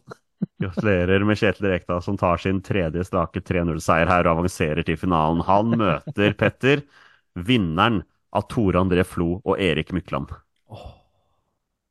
Oi, oi, oi, oi, oi. Den er tricky, altså. Erik Mykland andre sida før denne turneringen her med 67. Tore André Flo outsideren helt ned på 14.-plass på siding med sine 43. Oi, oi, oi. Den der var ikke lett. Det er kanskje en av de vanskeligste. sånn som jeg kjenner det nå. Eh, Ja. Det er fordi det er to spillere som har liksom hatt en enorm betydning for meg i oppveksten. Eh, men jeg kan liksom huske at Mykland var tidlig en man hadde lyst til å være på Løkka og sånn. Eh, fordi han hadde det derre artisteriet i seg, og det var jo utrolig kult. Flo selvfølgelig en fantastisk dribler, han også, og en, og en fantastisk målskårer. Men eh, den, oh, den går så vidt til myggen, altså, for, for min del. Ja. Den går for meg så vidt andre vei. Den går til Tore André Flo så vidt. Det er med en hårsbredd på min side. Og det betyr, Torstein, at du som eh, så vidt hadde begynt å leve i 90-tallet når disse spillerne begynte å herje rundt, du skal få avgjøre hvem som går videre til den store finalen. Ja, det er eh, jeg satt litt offside egentlig nå, altså. Ehm, det er eh, grisevanskelig, eh, dette her. Eh, Forklart om Myggen i stad, har forklart om Tor André Flo tidligere. Men eh, hvis jeg skal få bestemme, og som jeg nå tydeligvis skal, så tror jeg vi skal ha eh, målskårere fra VM 98 mot Brasil i finalen her. Eh, det blir, det, det, det blir, det blir den retningen vi går. Tor André Flo står for nok et sjokk. Han har sendt allerede ut tredje side av Øyvind Leonardsen i åttendedelsfinalen. Nå har han sendt ut andre side Erik Mykland i semifinalen. Og det betyr, mine herrer, at vi er kommet til den store finalen. Petter Hermansen, du får begynne. Vi har Kjetil Rekdal, 74 A-landskamper, mot Tore André Flo, 43 A-landskamper. Ja, da blir det plutselig veldig lett. Eh, igjen så eh, stemte jo jeg på motstanderen til Tor André Flo i forrige runde, så jeg stemmer jo selvfølgelig på Kjetil André Rekdal. Jeg syns han virker litt snurt, jeg, Torstein, for at han ikke favoritten hans går videre i gaten her. Petter har liksom tapt i anførselstegn 50-50 her. Er det andre eller tredje gangen nå? Så Men jeg, egentlig glad at det ble sånn som det ble, for da ble det lett for meg i finalen. Det er jo helt konge, det. skal vi bare rotte oss sammen da, Jonny, og ta Tore André Flo også? Nei. Nei, Var det lett for deg i denne finalen, Torstein? Eh, lettere enn semifinalen, det må jeg faktisk eh, si. Eh, det blir, eh, blir Kjetil Rekdal. Eh, trenger ikke å begrunne noe mer, men det blir Kjetil Reknett. Blir, blir for meg vinneren. Ja. Um, storfavoritten på forhånd, kan vi si, har innfridd så til grader med fire strake 3-0-seier. Er det ingen tvil hos oss? Vi gratulerer Kjetil Rekdal med tittelen vår som 90-tallets beste landslagsspiller. Og før noen av våre kanskje eldre lyttere begynner å skrike til oss Selvfølgelig burde Rune Bratseth vært med i dette segmentet her, men han har bare 34 A-landskamper på 90-tallet. Og basert på våre, eller basert på mitt premiss for hvordan dette skulle være, så falt han eh, dessverre ut. Um, Så det er spørsmål da, gutter. Neste uke skal vi begynne oss på 2000-tallet. Vi får se om eh, hvor utfordrende det blir. Eh, Jeg sa jo innledningsvis her at jeg trodde 2000-2009 kom til å bli hardere. Jeg gruer meg jo til hvor hardt det blir. Eller grugleder meg, må jeg bare si. Da når så, altså du bare oppdaga hvor hardt dette her var, og dekk sleit jo dekk, og dekk som husker mye mer til det live enn eh, enn det jeg gjør. Så dette her var utrolig morsomt, Jonny. Dette var jo kjempekult å gjøre en del greier. Så det er all heder og ære igjen til Podboss. Tusen takk for det. Eh, håper alle lytterne likte den her. Neste uke er det 2000-tallet. Har skåret fire landslagsmål tidligere, Kjetil Rekdal. Og han skårer igjen, og Norge leder 1-0! Norge leder 1-0 over Tyrkia. Vi har som vanlig etterlyst spørsmål fra våre lyttere, og våre lyttere leverer, Petter, spesielt vår faste lytter Olai Årdal. Helt seriøst spørsmål. Kan vi få med heltene Nilsen på Lansen? Trenger hans mentalitet inn i gruppa? Nei, han skal nok ikke spille, men å ha han i gruppa har jeg trua på. Har du trua på det, Petter? Jeg skjønner hvor han vil hen. Eh, vi burde jo helst hatt en sånn type på banen, da. Som, eh, som er litt sånn ekkel, og, ekkel å spille mot. Eh, nå har det ikke bare vært positivt med brannbriller fra forrige sesong, hvor han var på vei bort og ønska seg vekk, og det var litt sånn ting og tang, som kanskje Brann-fansen ikke var sånn kjempefornøyd med. Hvis han blir sånn vinglete på landslaget, så vet jeg ikke om jeg vil ha han der. Men nei, jeg skjønner, jeg skjønner hva Olai mener. Eh, vi skulle hatt en sånn, ja, en sånn som går foran, da. En som, som kjefter og smeller litt eh, på en konstruktiv måte, kan du si. Eh, og og rett og slett er litt sånn irriterende for, eh, for motstanderen. Så jeg liker veldig godt eh, Heltene Nilsen. Jeg likte han godt da han var i Vålinga òg, jeg. Så, så han er en sånn eh, en kriger, og en, eh, en som, som blør for drakta, og det, det elsker man jo som supporter, da. Torstein, du får det useriøse spørsmålet fra Ola Årdal òg, for han har to stykker. Um, har du noe kampdagsritualer før landskamp? Ikke noe, ikke noe som jeg kommer på som at det, og dette her må jeg gjøre, annet enn eh, helt normale, vanlige ting. Eh, vanligvis er han jo så svett etter en landskamp at han må dusje, men det er vel mer, eh, mer, mer i etterkant. Eh, før landskamp, nei. Men jeg er jo veldig glad i eh, underveis eh, i en kamp, eller om du, du spør seg litt hvor du står eller sitter, da. Men at du må ha ei stadionpølse, uansett om det er på Ullevål eller om du er i Bulgaria eller hvor du uansett er. Nå, I Bulgaria var det umulig, for der var det tre og en halv mil til, eh, til kiosken. Men, eh, men eh, ja, ei lita pølse der, det er jo alltid godt, men det blir liksom underveis. Altså ikke noe svar på det Et langt svar på et kort spørsmål er nei. Uh, Petter, når du og jeg var romkamerater i Bergen på slutten av 2000-tallet, vi hadde et uh, kamprituale før landskamp, husker du det? Eh, Før landskamp.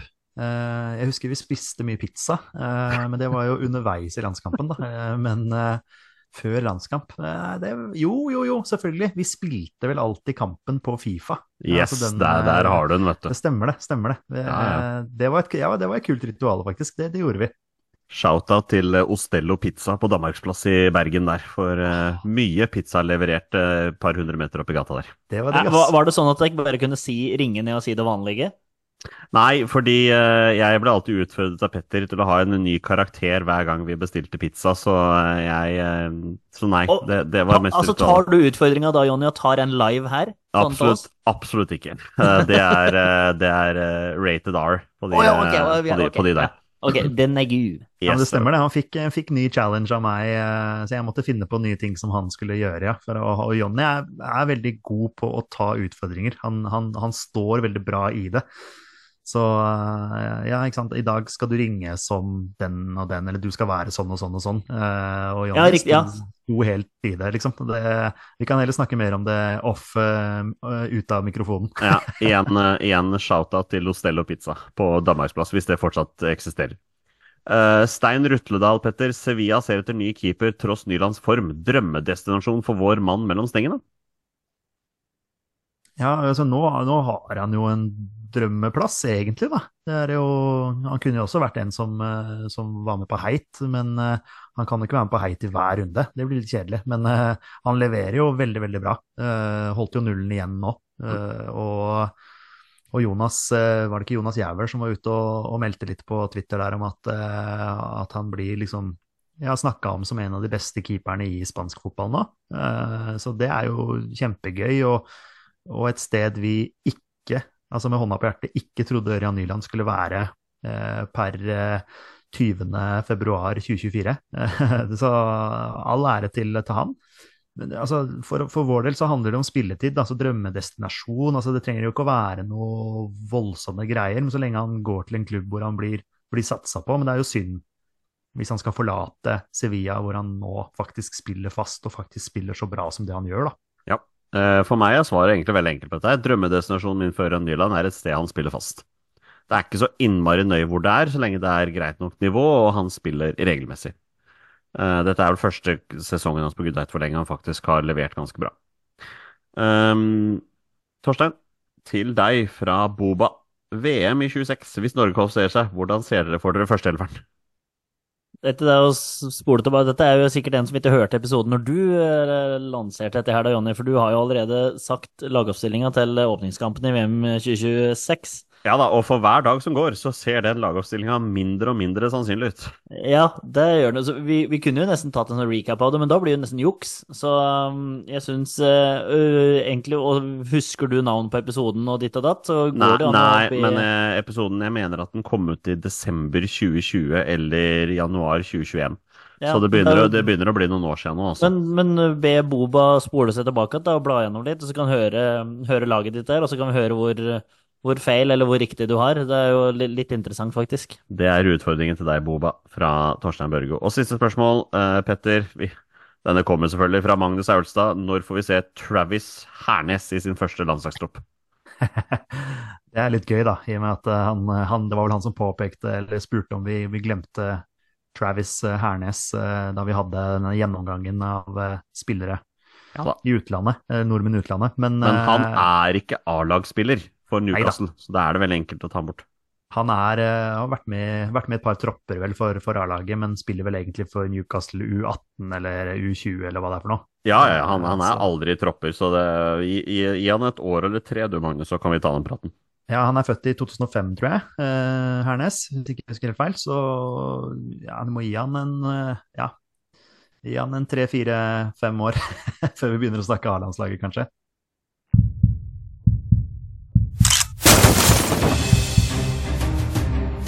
Er han nåværende landslagsspiller? Er han utenlandsproff? Er han fortsatt aktiv? Er han back? Har han spilt for Rosenborg? Mine damer og herrer, det er nå tid for 20 spørsmål. Det er på tide å avslutte som vi pleier med en runde med 20 spørsmål. Petter og Torstein har 20 ja- og nei-spørsmål på å komme fram til spilleren de har funnet fram. Det er da en spiller som har minst én A-landskamp for Norge. Bonusregelen her i Våre beste menn er at når de gjetter navnet på spiller, det er spillet over, og de har vunnet eller tapt. Dagens twist, mine herrer, er ett posisjonsspørsmål. Men vent! Før vi kommer så langt, Petter, har vi fått en melding fra en fyr. Han heter Torstein Magnus Eriksen. Han lurer på hva med en vri der de får, én sjanse på å gjette spiller i første spørsmål? Jeg skal, jeg skal gå så langt som å si gutter, at uh, Petter og Torstein, før vi begynner å spille 20 spørsmål nå, skal dere få hvert deres forsøk på å gjette spilleren. Vær så god. Ja, det er morsomt. Det kan jo ikke være Martin Andresen denne gangen, Torstein. Men du veit at en av oss hadde kommet til å gjette det. Hvis- Ja, Hvis vi hadde fått denne her forrige gang, så hadde vi sagt Martin Andresen. 100% Ok, første spilleren du tenker på, Torstein. Nå må vi bare slenge ut, slenge ut et navn. Ja, vi, får vi en hver? Ja, dere får én hver. Altså, jeg, jeg har allerede to navn klare, men uh, Ja, du du får bare én. Ja, ja. Nei, men ja, skal jeg bare slenge ut en? Gjør det, du. Ja, er det Ole Gunnar Solskjær? Torstein? Det er ikke Ole Gunnar Solskjær. Eh, Jonny, er det Vegard Heggem? Petter? Det er ikke Vegard Heggen. Okay. Og med det spiller vi 20 spørsmål. Vær så god. Jeg, jeg vil bare si det, Petter, at det andre navnet jeg hadde var Jan Gunnar Solli. Så at vi bare har den litt sånn i bakhuet til eh, hvor relevansen eller referansen alt ettersom eh, mellom Solskjær og Solli er. Det er vel eh, eventuelt første bokstav i etternavnet. Men eh, samme kan det være. Min var Klaus Lundekvam. Ja. Inntil du, men har vi ikke, det er ikke så lenge siden vi hadde Nei, han, eller? Men det Nei. var første navnet som dukka opp, ikke Ja, sant? ja, men, Det er, eh, men uh, Jonny, er han fortsatt aktiv? Uh, hvis du bare venter lite grann nå Hva skal du sjekke om han er aktiv. Nei, jeg skal, jeg skal ikke sjekke om han er aktiv. Jeg skal bare, jeg skal bare gjøre noe annet uh, først. Nei, vet du hva? Nei, glem det. Han har gjort det. Ta spørsmålet. Er han fortsatt aktiv? Nei. Jeg er veldig spent på hva Jonny måtte sjekke. Det her må vi få svar på etterpå. Ja, det. Ok, han eh, er ikke aktiv. Den er grei. Eh, men jeg, har jeg, har fortsatt ikke Selv om jeg har begynt at nå, Jonny, er, får jeg fortsatt lov til Eller er det fortsatt ikke lov å spørre om den klu, eh, Er han mest kjent for spørsmål? Er det fortsatt utelukka? Ja, det er jo alltid utelukka. Det er fordi det er vanskelig å definere, ikke sant? Ja. Så den eh, Oi. Hva skjedde? Å ja. Her, ja. skjermen bare var, gikk i svart, så bare begynte jeg å lure på hva som skjedde her. Men uh, Jonny starter en Oi! Starter en screensharing her. ja, Dette nå får vi blir sikkert en se- Nå får vi sikkert se hvem som eh, er 20-spørsmålsspilleren, da. Der. Ok, da har vi Da fortsetter vi, da. Eh, Den er grei. Hva veit dere, gutter? Ikke aktiv. Denne spilleren her har eh, lagt opp. Eh, har denne spilleren flest kamper for et lag i Eliteserien 2024? Ja. Ok, vi går den veien der, eh, Torsegutt. Ja. Jeg, jeg, må gå, jeg må bare gå en litt annen vei, og så skal vi inn igjen på den veien din, fordi jeg bare satt og kverna på et spørsmål. så jeg må bare ta det. Men det kan allikevel, allikevel hjelpe oss, altså. Har, eh, har denne spilleren en rolle i fotballen den dag i dag? Nei. Ok. Men fint, bare... ja, men fint, eh, fin den der. Jeg satt og kverna på den, jeg ville bare ha den ut av eh, hodet. Men vi kan Ja. jo allikevel eh, komme oss inn på Eliteserien, da. Det er, Ja. veldig, det er et veldig kult spørsmål. Det er det. Det er veldig, veldig fin. Ehm, den eh, klubben denne spilleren har flest kamper for, tilhører den på Østlandet. Nei. Snakker vi nord i landet, Olsen? Tromsø, Bodø-Glimt, Rosenborg? Ja. Skal vi se, Ok. eh, snakker vi om Rosenborg eller Bodø-Glimt? Ja. Skal fort til Trondheim, eller, eh, Gutt? Ja, jeg regner med det. Ja, det er, det er klassisk, det. det Er det Rosenborg, eh, Jonny, hvor han har flest kamper? Ja. Ok. Det er greit. Og lagt opp. Eh, så jeg tenker nesten unødvendig å spørre om det er seriegull, for får vi nei, så er vi, vet, aner, aner ikke hvem som ikke har tatt seriegull med, Nei, sant. med Det Rosenborg. er, eh, ja, nei, det, den, alle har vel tatt seriegull med Rosenborg, har de ikke det? Jo, det vil jeg, det vil jeg tro. Eh, Nesten alle. Skal vi se, skal vi gå på noe mesterskap, da? ja, det gjør vi. Har han vært med i mesterskap for Norge? Nei. Nei, ikke, ikke en av de. Eh, Men Rosenborg eh, skal vi se, cupgull og Rosenborg, de vant jo i 2003 mot, nei, 2002 mot Bodø-Glimt. Eh, for Vålerenga slo, slo Odd i 2002, var det. Var, Ja, for var det må ha det, vært i null- det må ha vært i 03, ja. ja, da var det 2003. Ja, det stemmer det. Um, da vant de cupen, ja. Og så tapte de cupen i 98 mot Stabæk, eller noe sånt nå? Kan det stemme? Det kan stemme. Og så var de jo tre på rappen her eh, 2016, 2017, 2018 ish. Der. Uh, Røyk mot Follo en gang. Nei, men eh, det er eh, langt tilbake til tid. Eh, skal vi se, hvor er det vi går? For Rosenborg. Nei, første spillerne jeg, jeg tenker på Jeg tenker Harald Brattbakk. Ja. Det er første spilleren jeg tenker på. Rosenborg. Uh, men ja Spørs hvilken vei man skal gå videre, da. Ja, altså Hvis du skal gå videre, så må vi finne tidsepoke i Rosenborg. For han har jo flest kamper i Eliteserien for Rosenborg. eh, Men han kan jo selvfølgelig ha vært overalt, denne kameraten her. Men det er, nå har vi jo funnet klubben. Skal vi, skal vi finne offensivt eller defensivt anlagt? Ja, vi gjør det. Altså, vi gjør det. og så jobbe oss, jobbe oss Ja. derfra. Ja. Er, du på, er du på offensiven eller defensiven i dag? Eh, Alltid på offensiven, eh, Petter. Snakker vi her om en offensivt anlagt spiller, Olsen? Midtbane angrep? Ja.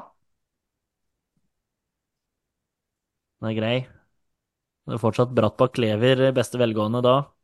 Ja, det gjør han absolutt, men det er Ja. jo altså frontspillerne i Rosenborg, eh, det er jo mange der. Uh, uten at jeg klarer å huske liksom, hvor mange landskamper uh, de hadde. Ja, men vi har jo både Brattbakk, Mini og Jan Derek med link i Bodø-Glimt òg. Så kan du eventuelt høre om han har spilt i Bodø-Glimt, og så har du Ja, flere ja. på midten som Kjell. har vært i, med Berg og hele pakka. Ja, alle har jo har vært i Bodø-Glimt. Ja. Har denne spilleren også vært i Bodø-Glimt, eh, Jonny? Ja. Det er ti, så da er vi halvveis. Frykt, frykta det egentlig, ja. Den hadde nesten vært bedre å fått nei på den. ja egentlig. For da kunne du luka bort en god del spillere. Ja, men, egentlig. eh, men nå blir vi for, Ja, det er den der linken mellom Bodø-Glimt og Rosenborg, ja. Uh, hvilken vei skal vi gå videre? Skal vi se, Brattbakk spilte jo i Celtic, uh, blant annet. Eh, Frode Johnsen Han har ikke vært i Bodø-Glimt. har ikke vært i Bodø-Glimt, takk. Eh, så han er en av de som vi kan utelukke. Ja. Uh, Samme Jon Carew. Samme med Jon Carew. Uh, Brattbakk er jo interessant, selvfølgelig. Ja, han er veldig interessant. Veldig har vi noen flere Dessverre Ørjan Berg, han har vel noe utenland, han òg, men, men det er liksom om, om noen har vært i samme land, Jan Derek, Ja, ikke sant? ikke sant? Uh, om de har vært i et samme land, så vi kunne fått utelukka det. Der, der er jeg svak, altså. Ja, der er jeg svak. Jan Derek eh, er jo Dortmund, selvfølgelig, og Men Mini, han var vel med i mesterskap for Norge? det var han vel, hvis ikke han var en av de som ikke kom med. Husker aldri det der. Om han bare spilte kvalikkamper? Ja, Og så vet jeg Mini er en vi ikke klarte å ta en gang her òg. Ja, faktisk. Det er sant, det. Ja, nei, jeg tror vi kan utelukke han, kanskje. Kanskje. Ja. Men Vi- eh, skal vi se, det er jo interessant å liksom høre om denne spilleren har skåra mål i Champions League. Ja, ikke sant. Der har du jo en Ja, den er kjempefin. Uh, Jonny, har denne spilleren skåra mål i Champions League for Rosenborg? Nei. Ok, ok. Da forsvinner jo både Jan Derek og Harald Martin. Ja. Og Mini? Ja, det vet du bedre enn meg, men eh, Ja, det, og, og der, ja. ja, det, han det, var, har til og med skåra på straffe i Champions League, vel? det var mer en antagelse enn uh, kvalifisert uh, het, altså, men han har ikke skåra mål i Champions League denne her. Oi, det er en spiller som uh, Eh, Ok, Trond Fredrik Ludvigsen, har han landskamp? det er mye mulig. Eh, det er en bra jeg, jeg må dessverre trekke tilbake. Eh, ja, denne spilleren har skåret mål i Champions League. Ok. For Rosenborg. For Rosenborg, ja. Ja. Da vet jeg ikke om Trond Fredrik Ludvigsen fortsatt er så veldig aktuell. Eller, og Trond Olsen òg var òg en annen. Fader, det er jo fankeren så mange som har link til Bodø-Glimt. Ja, um, ja, for Brattbakk var vel var en av de som skårte mot Milan eh, borte, var det ikke det? Ja, det er sikkert Heggem og Brattbakk, ja. Jeg Og så er det vel Skårer vel Mini Skårer ikke han mot Real Madrid på Lerkendal? Uh, ja, det, det, det stemmer helt sikkert. Roar Strand skårer i hvert fall, men han har vel ikke vært i Bodø-Glimt, så vidt jeg kan uh, huske. Han har vært i Molde. Ja.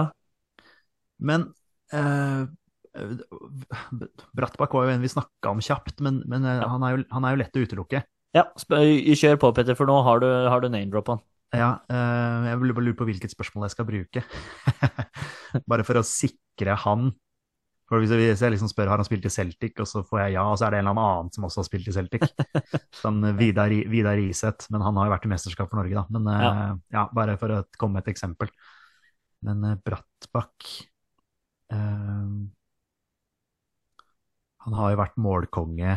Har ikke han eh, hatt noe rekord i antall skåra mål i Før Rushfeldt tok den vel. Jeg tror Ja, ja. Er på 166 og Rushfeldt på 167, hvis jeg Eller er det 162-163? Altså det er noe rundt den døren der. Ja, ok. Ja, ja, det stemmer helt sikkert. Um, nei, skal man bare gå for Jeg husker liksom Celtic, det, det husker jeg. Og så jobber han jo som pilot. uh, så det går jo an å spørre om. Men ehm, Og så jeg, erindrer jeg at vi liksom har hatt Brattbakk. Har Ja. han spilt for Celtic? Nei. Ok, da forsvant Brattbakk. Da forsvant Brattbakk. Den er grei. Eh, og så har han scora mål i Champions League. Det er jo interessant. Uh, for Mini utelukker vi på grunn av at han har vært med i mesterskap for Norge, tror vi? Ja. Eller var han en av de der som blei vraka?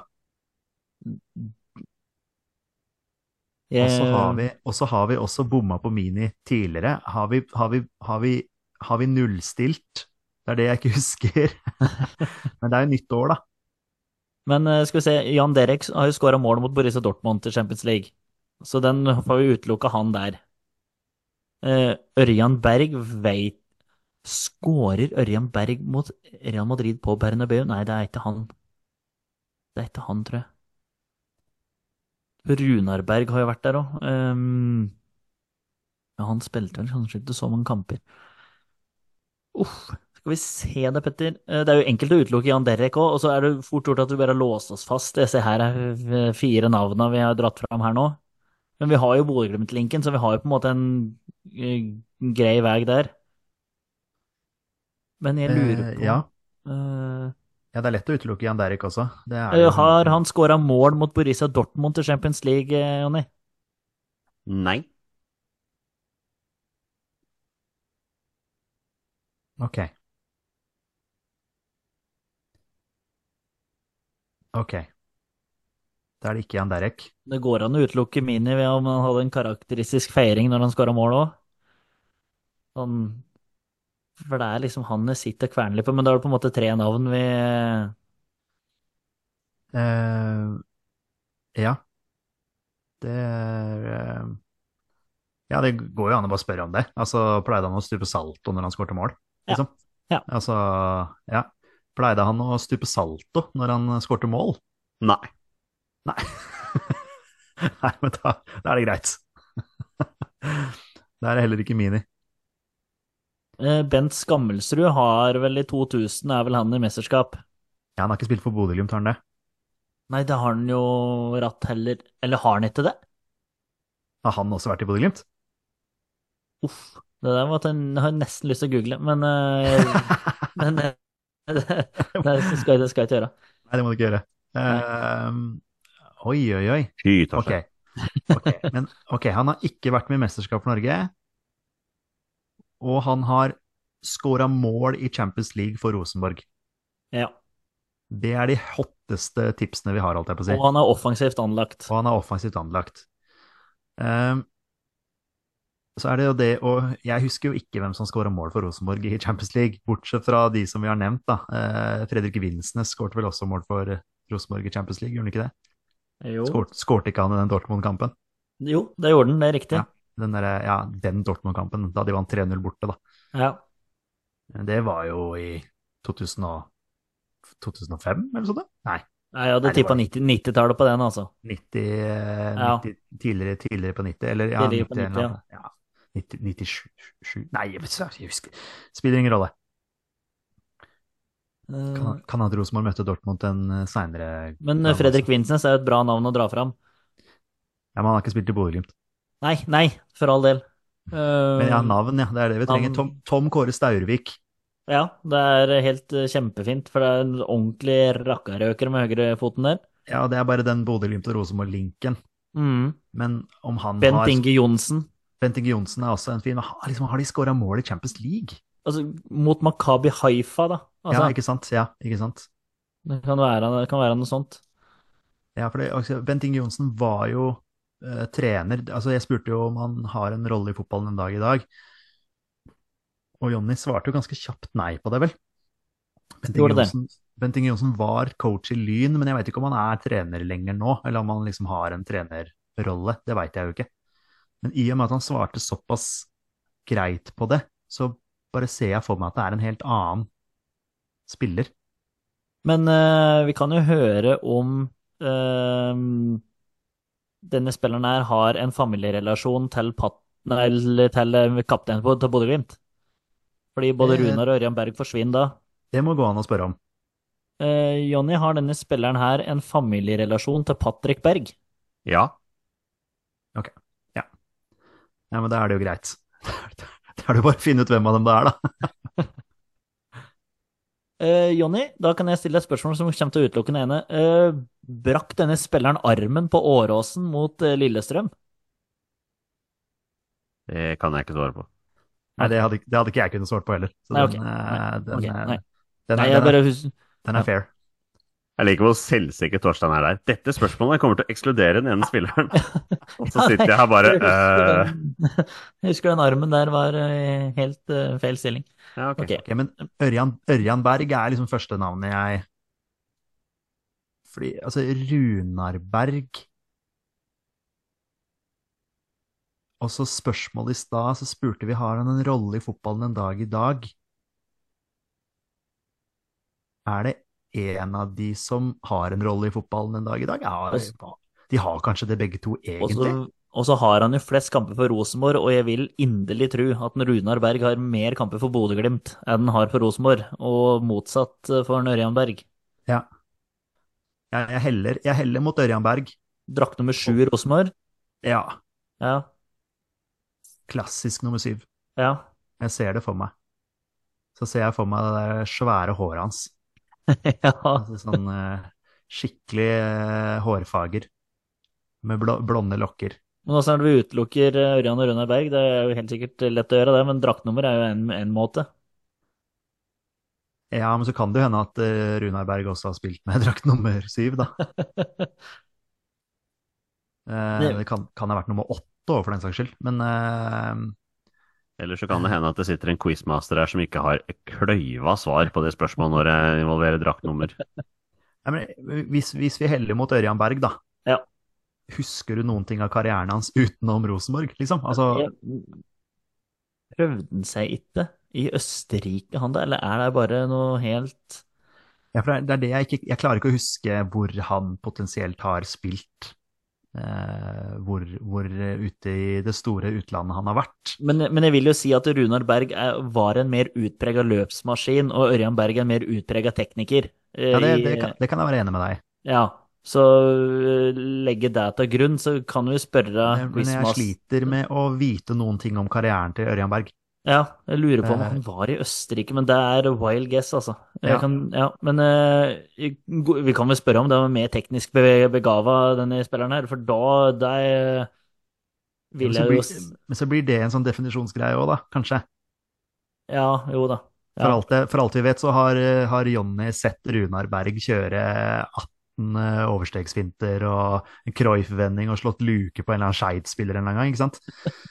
Så da kan det hende at han, han føler at Runar Berg er eh, mye mer teknisk anlagt. Ja, det, det kan hende. Du kan jo spørre, du kan spørre om Østerrike, da, Tors. Ja, eh, men det er eh. Jeg vet ikke om Runar Berg har vært det. Jeg mener bare har en sånn hunch på det. Men eh, da gjør jeg det, det, Jonny. Har denne spilleren spilt fotball i Østerrike? Nei. Det hjelper meg ingenting. Nei, nei, nei. Det er ingen eh... Går det an å bare spørre når vi skal stille spørsmålet er det Berg? Men jeg ser for meg Runar Berg med drakt nummer sju i Bodø-Glimt og Ørjan Berg med nummer sju i Rosenborg. Um, Ja. Men jeg skjønner bare ikke hvor eh, Nei, vi, jeg, vet ikke noen ting om karrieren hans. Det er jo det som er problemet. Ja, man, husker, man husker Bodø-Glimt, man husker Rosenborg. Og det er egentlig det. Ja. Ørjan Berg var en så god fotballspiller at eh, han sannsynligvis har spilt i utlandet. Uh, muligens ikke Østerrike, da. Men, uh, men uh, Nei, så, så veien videre nå er jo egentlig bare Nå, nå, eh, nå sier jo ikke jeg at, det, at vedkommende er en av de to dere driver og debatterer, men hvis dere har lyst til å skille mellom dem, så har dere jo kun spurt om om denne spilleren er i relasjon med nåværende kaptein eh, Patrick Berg. Nei, ja. Ja, og det har dere fått ja på, men dere har ikke gått dypere inn på det spørsmålet. Nei, det er jo pappa, pappa eller onkel, da. Ja, for det er, eh, det er Ørjan som er far. Jeg blir overrasket hvis jeg er Runar. For da tror jeg det er en diskusjon som må tas et annet sted enn i denne podkasten her. Det får vi ta, det får vi ta i en annen podkast. Men eh, ja, vi, du, vi kan jo gå dit, selvfølgelig, og bare spørre er det faren til uh, Patrick Berg. Det, skal vi bare gjøre det? Gjør det. Er denne spilleren vi prøver å rote oss fram til, Jonny, er det faren til Patrick Berg? Ja. Du er helt sikker på at det er Ørjan, eh, Torstein? Ja, altså, jeg har hørt, jeg har hatt noen studiekompiser som har studert oppe i Bodø, og de forteller om et, eh, et virrig uteliv. Eh, Så ja, men jeg, vi går for at Ørjan har eh, kontroll på saken sine. Jeg tror vi har den. Torstein, kan ikke du bare take it away? Eh, Jonny, på spørsmål nummer 18 så spør vi deg Er det Ørjan Berg? Ja, gutter, det er Ørjan Berg. At det går an å vingle så mye rundt noe dere egentlig har svaret på for lenge siden. Ja, Ja, men jeg visste jo ikke nok om han. Nei, men det, at, at ikke dere bare gikk rett inn på er dette pappaen til Patrick Berg, liksom. Nei, det venta dere sånn kvarter med å spørre om. Kunne vært broren hans òg. Ja, men, det, men liksom, dere jeg, jeg, jeg skjønte ikke hva dere dreiv med her. Dere fikk vite å ja, det er en spiller som har relasjon til Patrick Berg. La oss bruke 15 minutter på å diskutere andre ting. Har han spilt i Østerrike og sånn? Det er mer relevant enn å vite hvilken slekt han har til Patrick Berg. Det, det er sterkt. Men kanskje begge to satt litt sånn Å, hvem av dem er det som er faren? Kunne, kan hende, jeg vet ikke. Men Det, eh, ja, det, er en diskus, det er en diskusjon til en annen podkast. Ja. Det er det. Eh, Nei, men han har mål i Champions League, ja. Eh, Jeg var jo himla usikker på det, så jeg måtte google det. Så jeg har fått opp at han har skåret mål, men ikke spør meg hvem han skårte mot, for det er jeg ikke helt sikker på. Eh, Sikkert vel- Dortmund. Ja, veldig morsomt med at ingen av dere har fått med dere at Bent Inge Johnsen nå kjører trikk i Oslo. Jo, det er når du sier det. Eh, det har jeg vel hørt, faktisk. Ja, Og han, han stortrives i jobben. Det var intervju med han i eh, Dagsavisen, tror jeg. Ja. sånn også. Han har lagt trenerjobben på hylla, og koser han seg som trikkefører. Det er gøy. Trikkefører Johnsen der, altså. Um, hvor mange A-landskamper har Ørjan Berg? Elleve. Ja, alt, altfor få, da. Uh, ifølge mange, vil jeg tro. Jeg får si ni, jeg, da. Ja, dere skulle lagt de to sammen. Uh, 19. Oi! Oi, ok, ok. Ja. Ja. Eh, årets spiller i Norge i 2001 og årets midtbanespiller i Norge tre år på rad 2000, 2001 og 2002. Eh, jeg husker jo, jeg var sånn 16 år på den tida, der, hvor utrolig god Ørjan Berg var. Han var, eh, han var virkelig rå. Og med det er det på tide Unnskyld, unnskyld. Fortsett, Jonny. Jeg driter meg. Unnskyld. Nei, jeg ville egentlig høre litt om karrieren hans. Ja, det var egentlig det, og var egentlig det som var spørsmålet. Men uh, ja. Ja, nei, men da tar vi det, da. Eh, han han eh, spilte for Bodø-Glimt mellom 1987 og 1988. Så var han to sesonger i Rosenborg før han spilte to sesonger i FC Wettingen i Sveits. Det er da en klubb som ikke eksisterer lenger. Var, et Det er på grensa til Østerrike, tror jeg. var en liten tur innom 1860 München i 92 og spilte åtte kamper, men spilte også 65 kamper og skårte 18 mål for Basel mellom 92 og 94. Så var han fem år i Bodø-Glimt før han avslutta med syv år i Rosenborg. Så der har du det. Den karrieren hadde jeg ikke visst, altså. Han, han er gift og har to sønner. Bodø-Glimt-spiller Patrick og en fyr som heter Marius. Jeg vet Det ikke er sikkert, hva det er sikkert uh, Marius Borg, det da. Og ikke, han har uh, lurt seg inn på Slottet. jeg vet ikke hva Marius, jeg vet ikke hva Marius Berg eh, driver med. Uh, vunnet toppserien i Norge ni ganger. Toppserien? Ja, eller øverste nivå i Norge. Ja, ok, den kunne at han hadde Ja, nei, men den tar Ja. vi også i en annen podkast. 1988, 1990 og alle ganger mellom 1999 og 2006. Det er altså. Og med det er det på tide å avslutte dagens episode. Tusen takk til alle dere som lytter. Dere er fantastiske mennesker. Vi er våre beste menn. Heia Norge. Heia Norge! Heia Norge! Og Hei. Hei!